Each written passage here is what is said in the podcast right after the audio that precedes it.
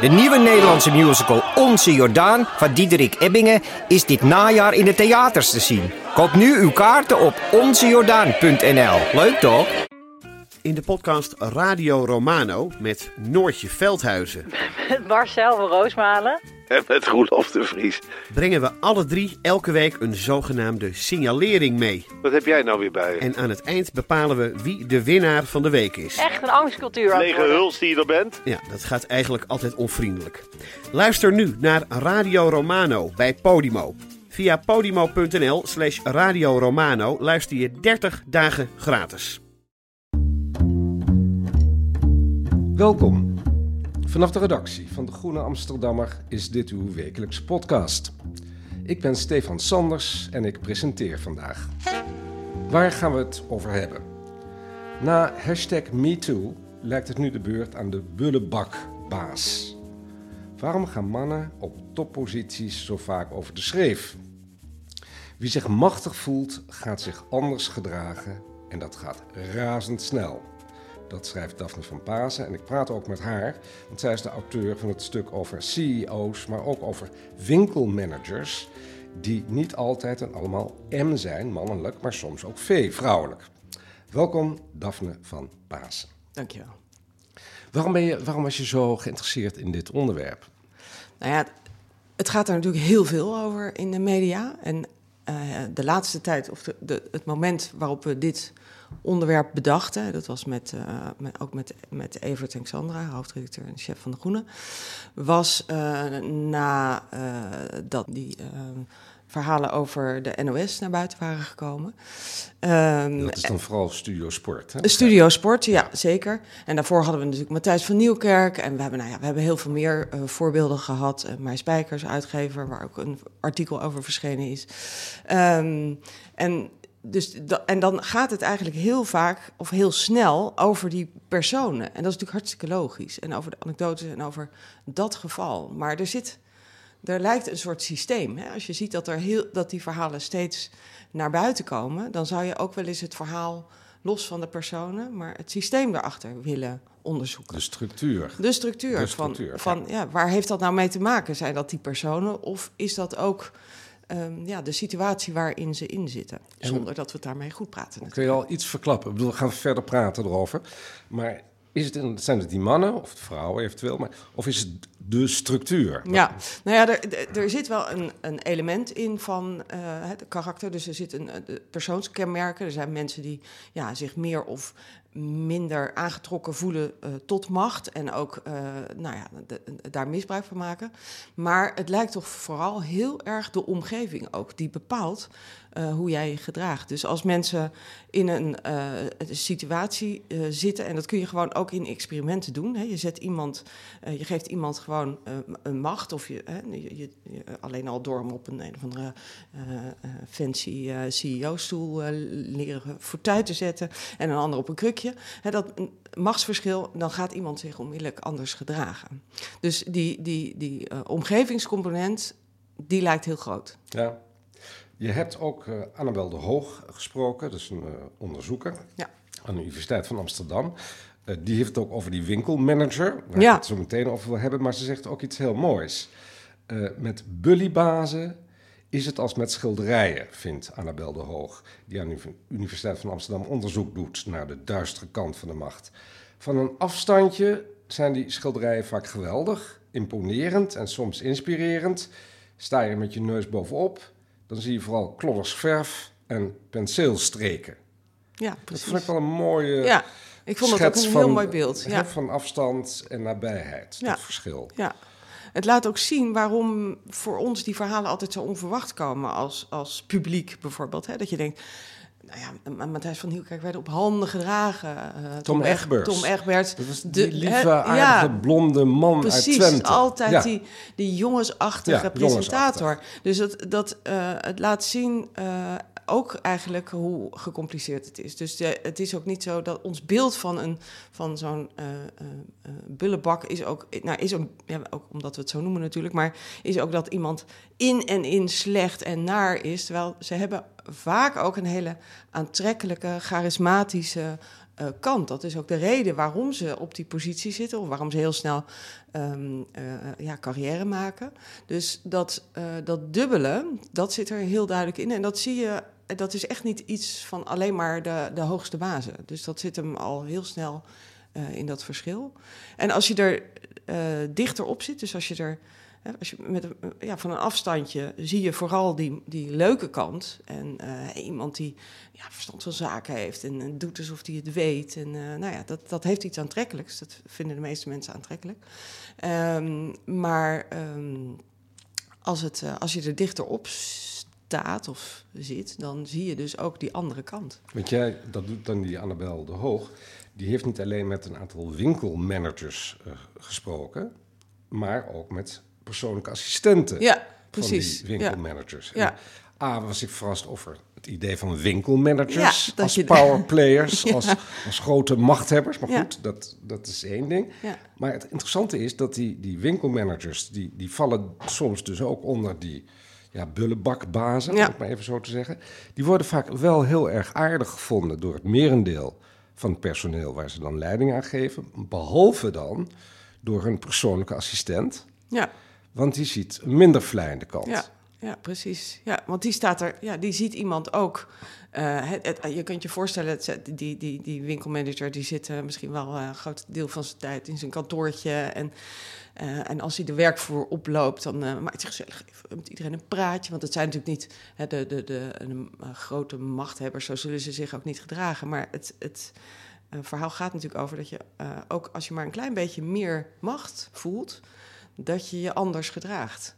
En dat, is, dat is bij deze winkelmanagers zo. En ja, die, die, dus daar kunnen ze, uh, de, de, de werknemers die, die ze gewoon af en toe zien, daar kunnen ze dat, dat, dat, die houding prima uh, ophouden. Want dat is een imago. Dat is dan ja, een imago nou, misschien is het, Ja, misschien is het ook wel, uh, wel, wel echt zo. Misschien is het ook wel een, een echte kant van ze, hè, mm -hmm. dat joviale. Charmant. Charmant.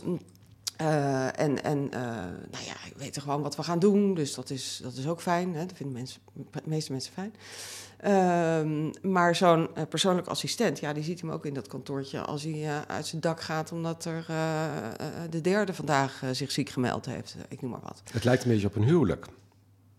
ja, dat, dat, nou, dat zou, ja, dat is grappig. Ja, dat, ik, ja, ik denk dat dat, je zou dit vast ook voor voor de vrouwen of de mannen van, van deze uh, CEO's uh, kunnen, kunnen doen. Ja, wat, denk wat mij verraste was dat er eigenlijk dus helemaal niet uh, heel veel gewicht in de schaal hoeft te liggen om toch zo'n machtmannetje of vrouwtje ja. te worden. Ja. Je denkt een winkelmanager. Ja, ja. Maar ja, nogmaals, ik bedoel, ja. Ehm, je kan je iets voorstellen bij zo'n groot bedrijf als Studio Sport. Hè. Er zijn heel veel mensen die naar, naar kijken. Ja. Thijs van Nieuwkerk was, eh, is misschien nog steeds razend populair. Iedere dag zo'n uitzending. Er wordt veel over gesproken. Er werken er, nou, misschien wel honderd mensen, ik weet het niet, maar heel veel. Um, maar dertien mensen in een winkelketen. Ja. Nou ja, dat is. Uh, ik denk ook dat er wel een verschil zit. Ik denk ook dat de, dat de winkelmanager uh, zich nou, niet de God zelf zal voelen. Dus daar zal wel wat verschil in zitten. Maar het laat dus zien dat zodra je, uh, dat, wat ik net zei, dat is geen grapje. Hè? Je kunt dat echt in experimenten doen. Iemand op zo'n zo'n executive stoel zetten, hè, of die we uh, daarbij voor ogen hebben, en iemand op een krukje, dan heb je al een machtsverschil gecreëerd voor dat moment. Hè. Iemand hoeft in het werkelijke leven, kan, kan, kan een onderknuppel zijn, maar je zet hem op die stoel en hij gaat zich anders, hij of zij inderdaad, hij gaat zich anders gedragen. Um, en dat is, dat, dat, dat vond ik eigenlijk ook wel uh, interessant om te ontdekken. Dat in normale verhoudingen, uh, relaties, liefdesrelaties, vriendschappen, werkrelaties, is er altijd wederkerigheid. Altijd. Je bent afhankelijk van een ander. Ook al denk je zelf dat je een hele onafhankelijke geest hebt, dat zal ongetwijfeld, maar je bent toch ook in heel, van, in heel veel situaties afhankelijk van dat de ander. Dat bedoel je met dat woord wat je laat vallen, de afhankelijkheidsbalans. Ja, dat is een afhankelijkheidsbalans. En zodra je maar een klein beetje uh, uh, ja, meer macht hebt over anderen, gaat, daar, gaat, gaat dat schuiven. Dus dan heb je zelf, ehm, je bent niet meer zo afhankelijk van anderen. Je kunt zelf bepalen wat jij doet, tot op zekere hoogte natuurlijk. En daarmee... Um, eh, ben je, en dat is interessant, ben je ook minder gevoelig voor wat, die, voor wat die ander wil, bijvoorbeeld. Je bent minder empathisch, je bent minder met die ander bezig. Simpelweg omdat het niet nodig is. Want jij, jij, jij bent voor jouw uh, keuzes en doelen niet zo afhankelijk van die persoon. En dat is dus al heel snel bij een, een machtsverschil. Ja, gebeurt dat. Dan heb je het ook over dark triads. Hè? Dat, dat, dat zijn drie kenmerken die die donkere kant van de macht een beetje ja. aangeven. Ja. En dan heb je het over CEO's. Nou, dat, daar kun je iets bij voorstellen meteen al. Chirurgen. Nou, dat zijn heel vaak een beetje, nou, niet de meest empathische mensen. En dat hoeft ook helemaal niet, want die patiënten liggen vaak in coma. En ze moeten heel vingervlug zijn. Dus dat geeft dan misschien wat minder. Maar goed, tegen de verplegers en, en alle andere mensen om, om hen heen. En de chirurgen in opleiding zijn ze dan misschien wel heel erg bullebakkerig. De politie, nou, daar sta je ook niet heel erg van te kijken dat daar die dark trades uh, bij komen. En bij journalisten, wat natuurlijk voor ons allebei interessant is. Maar eerst even over die dark triads. Wat, wat, wat, wat, zijn dat? Ja, dat zijn uh, uh, persoonskenmerken hè, die, die uh, ja, met deze nou ja, duistere trekjes worden geassocieerd. En dat is een schaal. Hè, dus het is niet zo je hebt het of je hebt het niet. Het is eigenlijk net als uh, extravert en, en introvert zijn. Hè, dat is ook een schaal. Je bent het meer in meer of mindere mate. Um, en in dit geval heb je er uh, drie. Hè, dus het gaat om dat... dat, dat narcisme, hè, dat is dan dat, nou ja, dat je je uh, vooral, gaat vooral over eigenwaarde, dus in hoeverre je jezelf uh, geweldig vindt. Uh, Machiavellisme, dat gaat meer over hoe manipulatief je bent. En psychopathie, en dat gaat echt over gewetenloos. Dat laatste, en dan praat ik even Annabel de Hoogna, hè, de, de, expert, die zegt... dat laatste zien we veel minder in, in, op, in het bedrijfsleven. Die andere twee zien we echt... Maar die psychopathologie, zeg maar die gewetensloosheid... Ja die zien we minder bij de winkelmanager, mag ik mm, hopen. Ja, dus dat is. En, en ook niet. Dat is, eh, kijk, die andere uh, twee, hè, die zie je echt in verhoogde mate bij mensen die op leidinggevende posities zitten. Um, en, maar dat is niet met die psychopathie, is dat niet zo. Nou, even terug, want jij bent ook uh, chef geweest ja. bij Intermediair Weekblad, bij L. Nee, bij Opzij. Bij Opzij, sorry. Ja. Je hebt gelijk, bij, bij Opzij. Um, Hoeveel mensen moest je, moest je aansturen, zoals dat lelijk heet? Uh, bij Intermediair waren dat er meer. Ik denk wel, ja, misschien wel twintig of zo. Ik weet niet eens meer. Ja, schoot dan een winkel, ja, meer macht dan een winkelmanager. Ja, ja nee. Okay. En opzij waren er heel veel minder. Ja. En dat waren alleen vrouwen. En het andere was, dat, daar zaten meer mannen. Dat is maakt ja, ook nog uit. Ja, dat is een verschil. Het is een andere cultuur. Merkte je daar, ik bedoel, jij wordt het, jij wordt die redactiechef. Mhm. Je hebt dat gevraagd, of mensen hebben jou gekozen, of hoe dan ook, je komt daar terecht. En dan?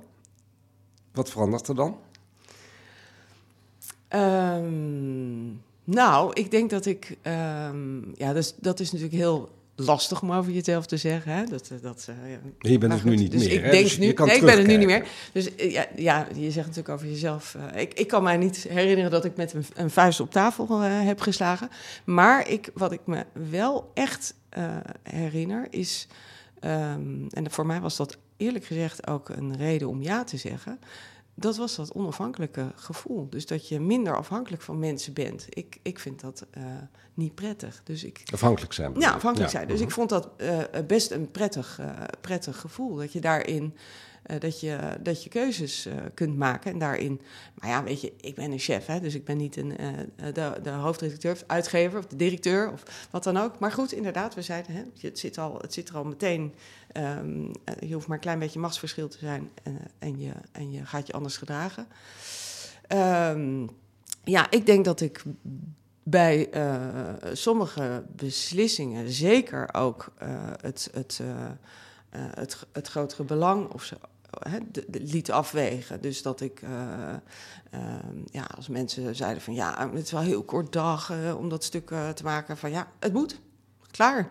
Maar is dus dat, niet ook dat... gewoon de taak van de chef? Ja, dat, dat is. Maar bedoel, dat, ik, er zit iets heel raars in deze discussie. Of in, in, in nou, nee, het is. Het is de chef wordt ook extra betaald, of de chefin, maakt niet uit. Ja. Omdat hij of zij meer verantwoordelijkheid neemt. Ja. En dus moet hij ook echt zorgen. Het is geen therapiesessie. Dat bijvoorbeeld de stukken die er op dinsdag om tien uur moeten zijn, er ook zijn. Ja. Nee, dus het is een hele dunne lijn. Het is ook, hè, dat, dat, dat staat ook in dat stuk. Het is, uh, het, ja, het verschil in macht is, is functioneel. Hè? Je hebt ook iemand nodig die de beslissing neemt. Maar je kunt het op verschillende manieren doen. Je kunt natuurlijk ook een draagvlak zoeken, kijken hoe, hoe anderen erover denken. Of je kunt gewoon rukzichtloos ergens overheen gaan. Het heeft ook wel een functie om, um, om, om, om uh, een beetje om niet bij alles na te denken. Oh, wat betekent dit voor die persoon? Want dan kom je aan geen beslissing toe. Dat lijkt me, als... Het lijkt me heel moeilijk voor iemand die dat als chef of hoofdredacteur zou gaan doen. Het lijkt me heel, heel, ja, ik weet niet of er dan elke week bijvoorbeeld wel een blad uitkomt of elke dag een krant. Als je dat zou Als je dat zou doen, als je alleen maar in Nee, dat zou dus niet lukken. Dus dat, dat, dat moet ook. Dus het is ook functioneel hè, om, dat, om dat wel te doen. En het is ook functioneel om af en toe, uh, als je uh, uh, een, een, een, een open hart operatie aan het doen bent, om dan niet te denken: oh, als hij het maar haalt. want hij heeft zo'n leuk kind. En, en, ja, en familie. Nee, dus dat, nee, dat, dat moet je uit kunnen schakelen. Dus mhm. ik, het is ook functioneel. tegelijkertijd, dus dat is het dat is het, um, uh, nou ja, de, de, de, balans. Het kan dus ook uitmonden in, uh, in, in misbruik. En daar gaat het om. Dus dat je. Um, en, en wat, dan, wat dat dan is, ja, dat is voor iedereen verschillend. Ik denk dat dus ook heel veel. Dat, dat was natuurlijk in het verhaal over Matthijs van Nieuwkerk. waren er ook mensen die zeiden. Uh, ja, wij hebben, dit, wij hebben hier geen last van gehad. Dus dat, dat is ook zo. Hè? Er is ook een verschil. Alleen als je op een gegeven moment ja, hele grote hè, de meerderheid uh, en er komen verhalen van waar je denkt, ja, nee, dat, dat, dat gaat echt over de, over de grens. Het gaat echt over de scheef. Uh, ja, dan wordt het een ander verhaal. Maar het is ook niet zo duidelijk. Het is ook, dat is eigenlijk ook, eigenlijk ook het verhaal van um, dat je natuurlijk ook zo'n soort grijs gebied hebt. Uh, en, en dat het ook uh, functioneel is. We kunnen ook niet, dat is natuurlijk waar het nu ook heel veel over gaat, hè, die veilige werkomgeving. Ik zit ook in het onderwijs. Nou ja, dat is daar ook echt een, uh, iedereen roept de hele tijd dat het uh, veilig, veilig leerklimaat veilig moet zijn. En daar krijg je soms ook hele gekke voorbeelden van. Hè? Iemand die, het, die, die weet ik het, op vakantie is, dat niet gezegd heeft en zegt: Ja, voelde me niet veilig om dat te vragen. Ja, nou, dat vind ik, dat vind, dat vind ik klinken als een smoes, eerlijk gezegd. Dus. Um, dat, dat veilige werkomgeving, dat heeft hiermee te maken. En, en dat, dat vind ik heel mooi. Janka Stoker, hoogleraar uh, in Groningen. Uh, hij heeft zich heel veel bezig gehouden met vrouwelijk leiderschap ook.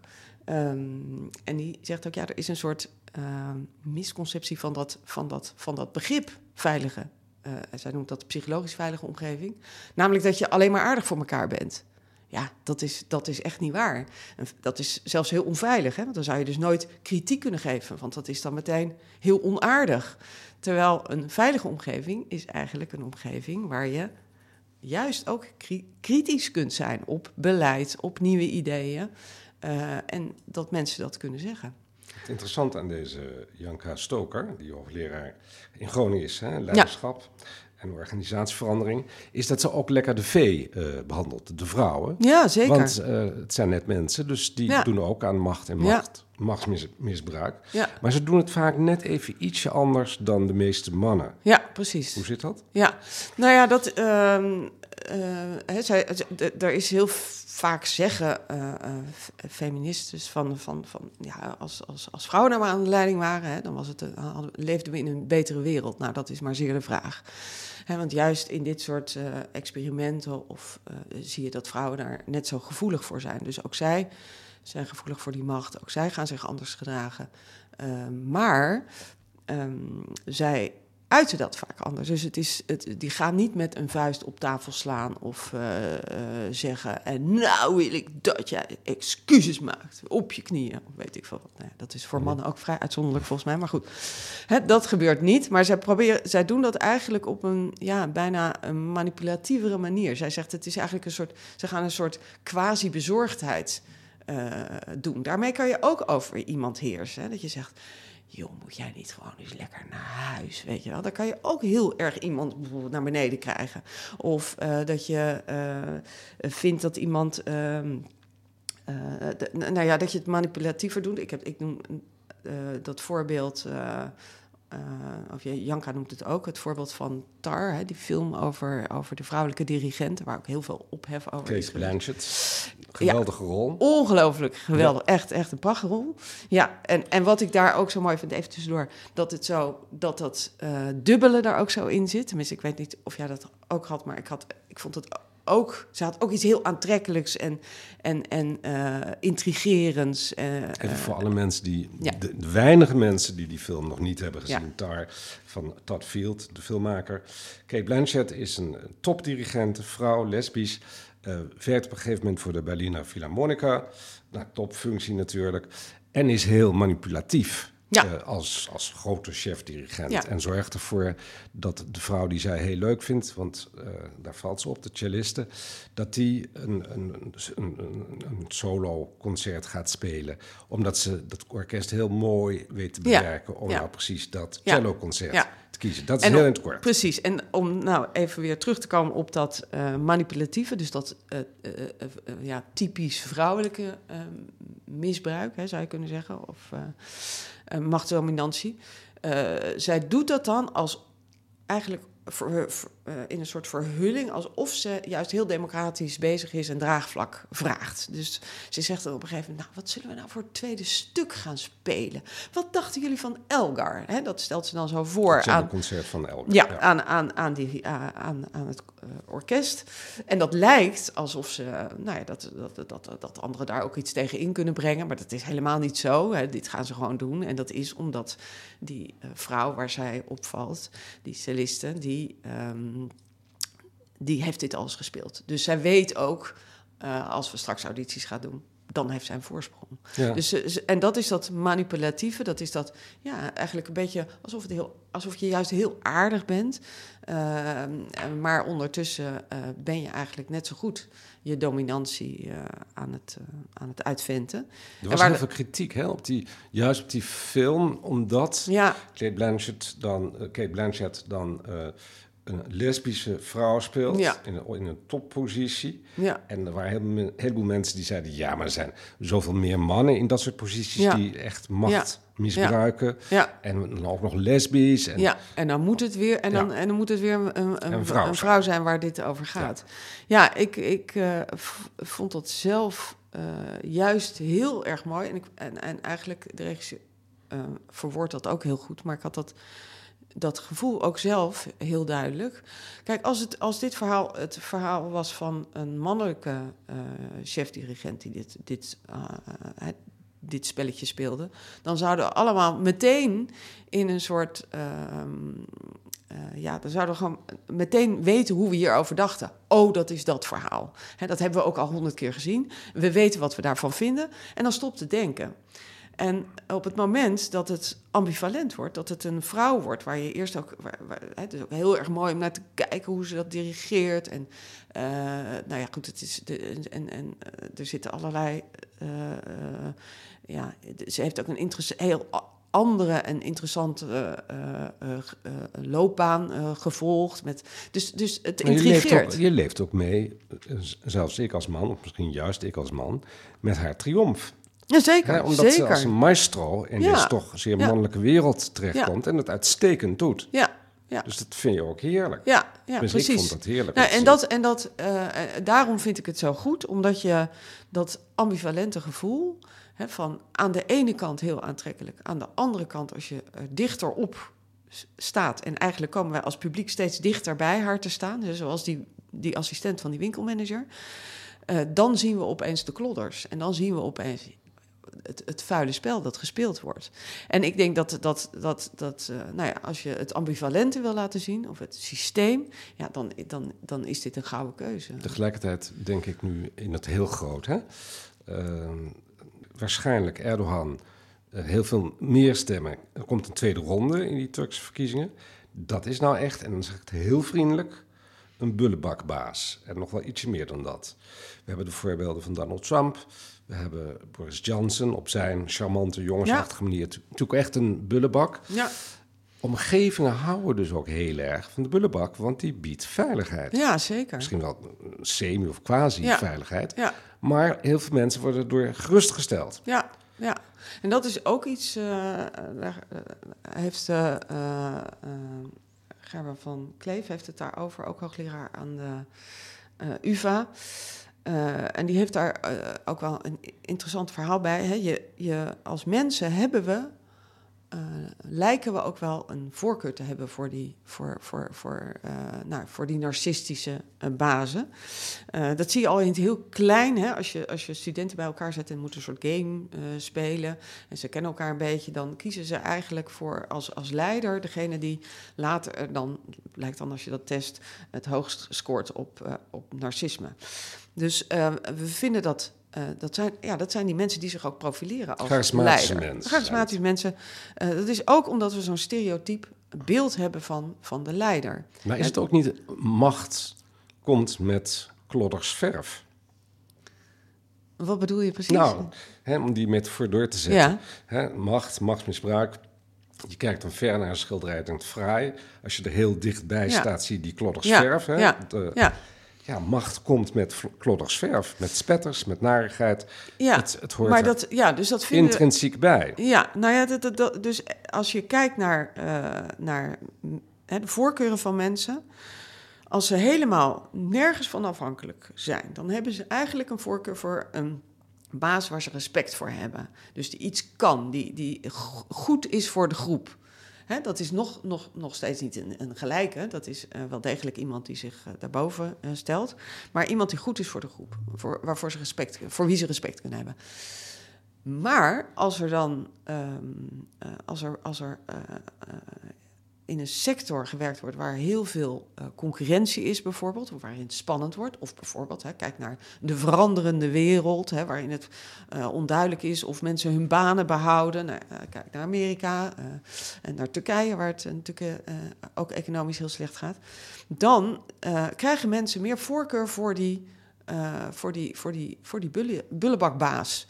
Dus dat, en, en zelfs als ze um, dus voorkeur hebben uh, of voorkeur hadden voor die, voor die, voor die uh, nou ja, baas waar ze respect voor kunnen hebben. Ook daar kunnen ze, als er bijvoorbeeld uh, sprake is van een outgroup, hè, dus, dus een groep die, die ze moeten beconcurreren, ook dan accepteren ze vaker dat zo iemand de regels overtreedt, het niet zo nauw neemt met, met, met de wetten en met de Zie heel in het groot Poetin, ja. Rusland, Ja. in het heel groot. Hè? Dat is Ja, natuurlijk ja, daar spelen een- natuurlijk allerlei Ja. andere processen Mhm. nog van misinformatie en, en, en eh, nou ja, dit, eh, eh, ja, je zou bijna zeggen hè, hersenspoeling. Dat is natuurlijk toch wel echt een dat, ander... Daarom zeg ik Ja, extreem groot. Maar even terug naar die gewone werkvloer. Mhm. Brian Klaas, dat is een hoogleraar Ja. aan de University College in Londen. Die heeft een boek geschreven waarom de verkeerde mannen het vaak voor het zeggen hebben en hoe dat te veranderen. Ja. En ik wil het even over dat laatste deel Ja. van de zin hebben. Ja. En hoe dat te veranderen. Ja, Want nou, het- het ga er maar aan staan. Ja. Nou ja, het lijkt hopeloos. Ja, het lijkt hopeloos. Toch niet, is dat niet helemaal waar. Dat is trouwens ook eh, uit dat onderzoek van, eh van eh, Annabel de Hoog blijkt dat ook. Dat ehm, je, ook als je een baas hebt die hoog scoort op, nou ja, op die dark triads... die kun je, ehm, als er duidelijke regels zijn en protocollen... eh, die, ja, die zorgen ervoor dat, dat dat machtsmisbruik in toom wordt gehouden. Dus dat helpt. Dat is één ding. Waar eh, Brian Klaas eh, het over heeft, daar gaat het eigenlijk over ook de werving. Hè? Dus we, nu is het zo dat we, nou ja, we zien gewoon dat er meer mensen die op die dark triads scoren, hè? dat die ook Dus die- aan de, ja, op die, op die, dat narcisme, machiavellisme, machiavellisme, en, en psychopathie. psychopathie scoren, dat die ook oververtegenwoordigd zijn in die eh, groep van eh, eh, nou leidinggevende posities. En hij zegt dat heeft er ook mee te maken dat we die mensen zoeken hè, door al onze stereotype beelden van wat leiders moeten zijn. En Staat je- dat ook in de advertentieteksten met zoveel woorden? ja, er staat wordt- natuurlijk niet, we nee. zoeken een bully, maar... We zoeken eh, een narcist. Nee, nee, dat staat nee, er dat staat er niet. Maar, er, staat wel, er er staan wel andere kenmerken. hè. Iemand die eh, eh, niet bang is om eh, beslissingen te nemen. Of die, nou ja, je kunt, er zijn ook allerlei onderzoeken gedaan naar wat taal eh, doet. Hè. Dus, dus als je een als je een leider op een andere manier omschrijft, dan zie je dat daar andere mensen op reageren. En eh, dat voorbeeld van de politie. jij hebt het stuk voor ogen. Ik ben even kwijt waar, eh, in, in welk uh, land dat was. Volgens mij was het in Nieuw-Zeeland. Nieuw-Zeeland, ja. ja. precies. Uh, en daar hadden ze, als je in de vacatures nou ja, verzeld liet gaan van allemaal plaatjes met politie met, met, die achter een boef aan zaten met, met, met, met, met, met geweren, et cetera. Dan, uh, ja, dan krijg je de gewone populatie, heel veel uh, mannen ook. Uh, en als je de, het beeld van de politie als een soort, nou ja, de, de hulpverlener, degene die mensen ook helpt in gevallen van nood, dan krijg je een heel andere groep die solliciteerde en die ze uiteindelijk ook aangenomen hebben. Dus het was niet zo dat je dan, heb je kan wel een hele grote groep uh, aantrekken die je niet wil hebben. Maar dat wilden ze wel. Hè. Ze wilden die groep ook hebben, alleen die, die, trokken ze niet aan. En ze dachten dat het was omdat die mensen niet wilden. Nou, met een veranderende... ja, veel diverser, hè, veel meer... Veel, tekst kwamen die mensen wel. Uiteindelijk is natuurlijk wel de clue eh, dat de politie heel erg dient en, en ook een beetje hè, taken moet vervullen die heel aardig zijn. De wegwijzen vind ik eigenlijk een, van de belangrijkste taken van de politie. Um, maar ze moeten ook boeven vangen. Ja, Precies. en ze moeten misschien soms ook lid worden van de uh, ME. Ja. Nee, maar het, het, gaat daar ook niet om dat je, um, dat, je dat allemaal uitselecteert. Alleen, um, het, het is ook niet zo dat iedereen die op een uh, leidinggevende positie zit, een bully is. Het is alleen ze scoren vaker hè, op dat soort uh, eigenschappen. Dus wat je dan kunt doen, is dat je in ieder geval een andere uh, pool hebt, een andere vijver waar je uit kunt vissen. En daar kun je dan, ja, assessment, ik weet niet hoe, dat, hoe je dat zou moeten vormgeven, ik ben geen expert op dat gebied. Maar zou je de mensen kunnen, in ieder geval kunnen selecteren die, die niet, ja, uit zijn op dat, op dat hè, die niet machtsbelust zijn. Ik vroeg me ook nog af, helemaal tot slot. Want je bent geen redactiechef meer, je bent een freelance journalist. Is dat ook omdat je uit die hele kantoorpolitiek wilde stappen? Nou, dat, dat, uh, ja, het is, eh, daar, speelde, daar speelde wel heel veel meer. Maar uh, ik vind. Uh, en en ik, ik had wel het idee dat het freelanceschap wel een zeker, dat geeft natuurlijk een zekere vrijheid. Dat is ook een beetje, het is ook niet helemaal waar natuurlijk, want je bent ook ongelooflijk afhankelijk weer van opdrachtgevers. Um, en het is ook niet zo dat ik helemaal over, want ik geef ook les op school voor journalistiek, dus daar zit ik gewoon weer uh, in een, een keurige kantoorhiërarchie. Uh, ja, maar toch een beetje. toch een beetje. toch een beetje, jawel. Minder, uh, minder mensen van jou direct afhankelijk als freelance journalist. Ja. ja. Dankjewel. Daphne van Pasen. Ja, deze week te lezen in de Groene Amsterdammer. Verder in deze Groene een achtergrondartikel over de internationale treinrenaissance. Supersnelle treinen en nachttreinen moeten een alternatief vormen voor vliegtochten binnen Europa. De ambitieuze plannen stuiten echter op een overvol treinennet en het nationalisme ook van de grote spoorwegmaatschappijen. En dan ook in deze groene de slotaflevering van de interviewserie Schöne Welt, wo bist du? Grote delen van de aarde zullen volgens Gaia Vins onleefbaar worden en we moeten ons daarom voorbereiden op massamigratie. En dan citaat: We moeten over het idee heen komen dat we tot een bepaald land behoren, vindt deze wetenschapsjournaliste. Dit alles kunt u lezen met een abonnement of een proefabonnement. Ga dan naar groene.nl. Volgende week zijn we er weer met analyses en achtergronden bij het nieuws. deze week werd de podcast gemaakt door Giselle Mijnlief, Noah Fuchs en Stefan Sanders. En de eindtune die u nu hoort is Tune for N van Paul van Kemenaar.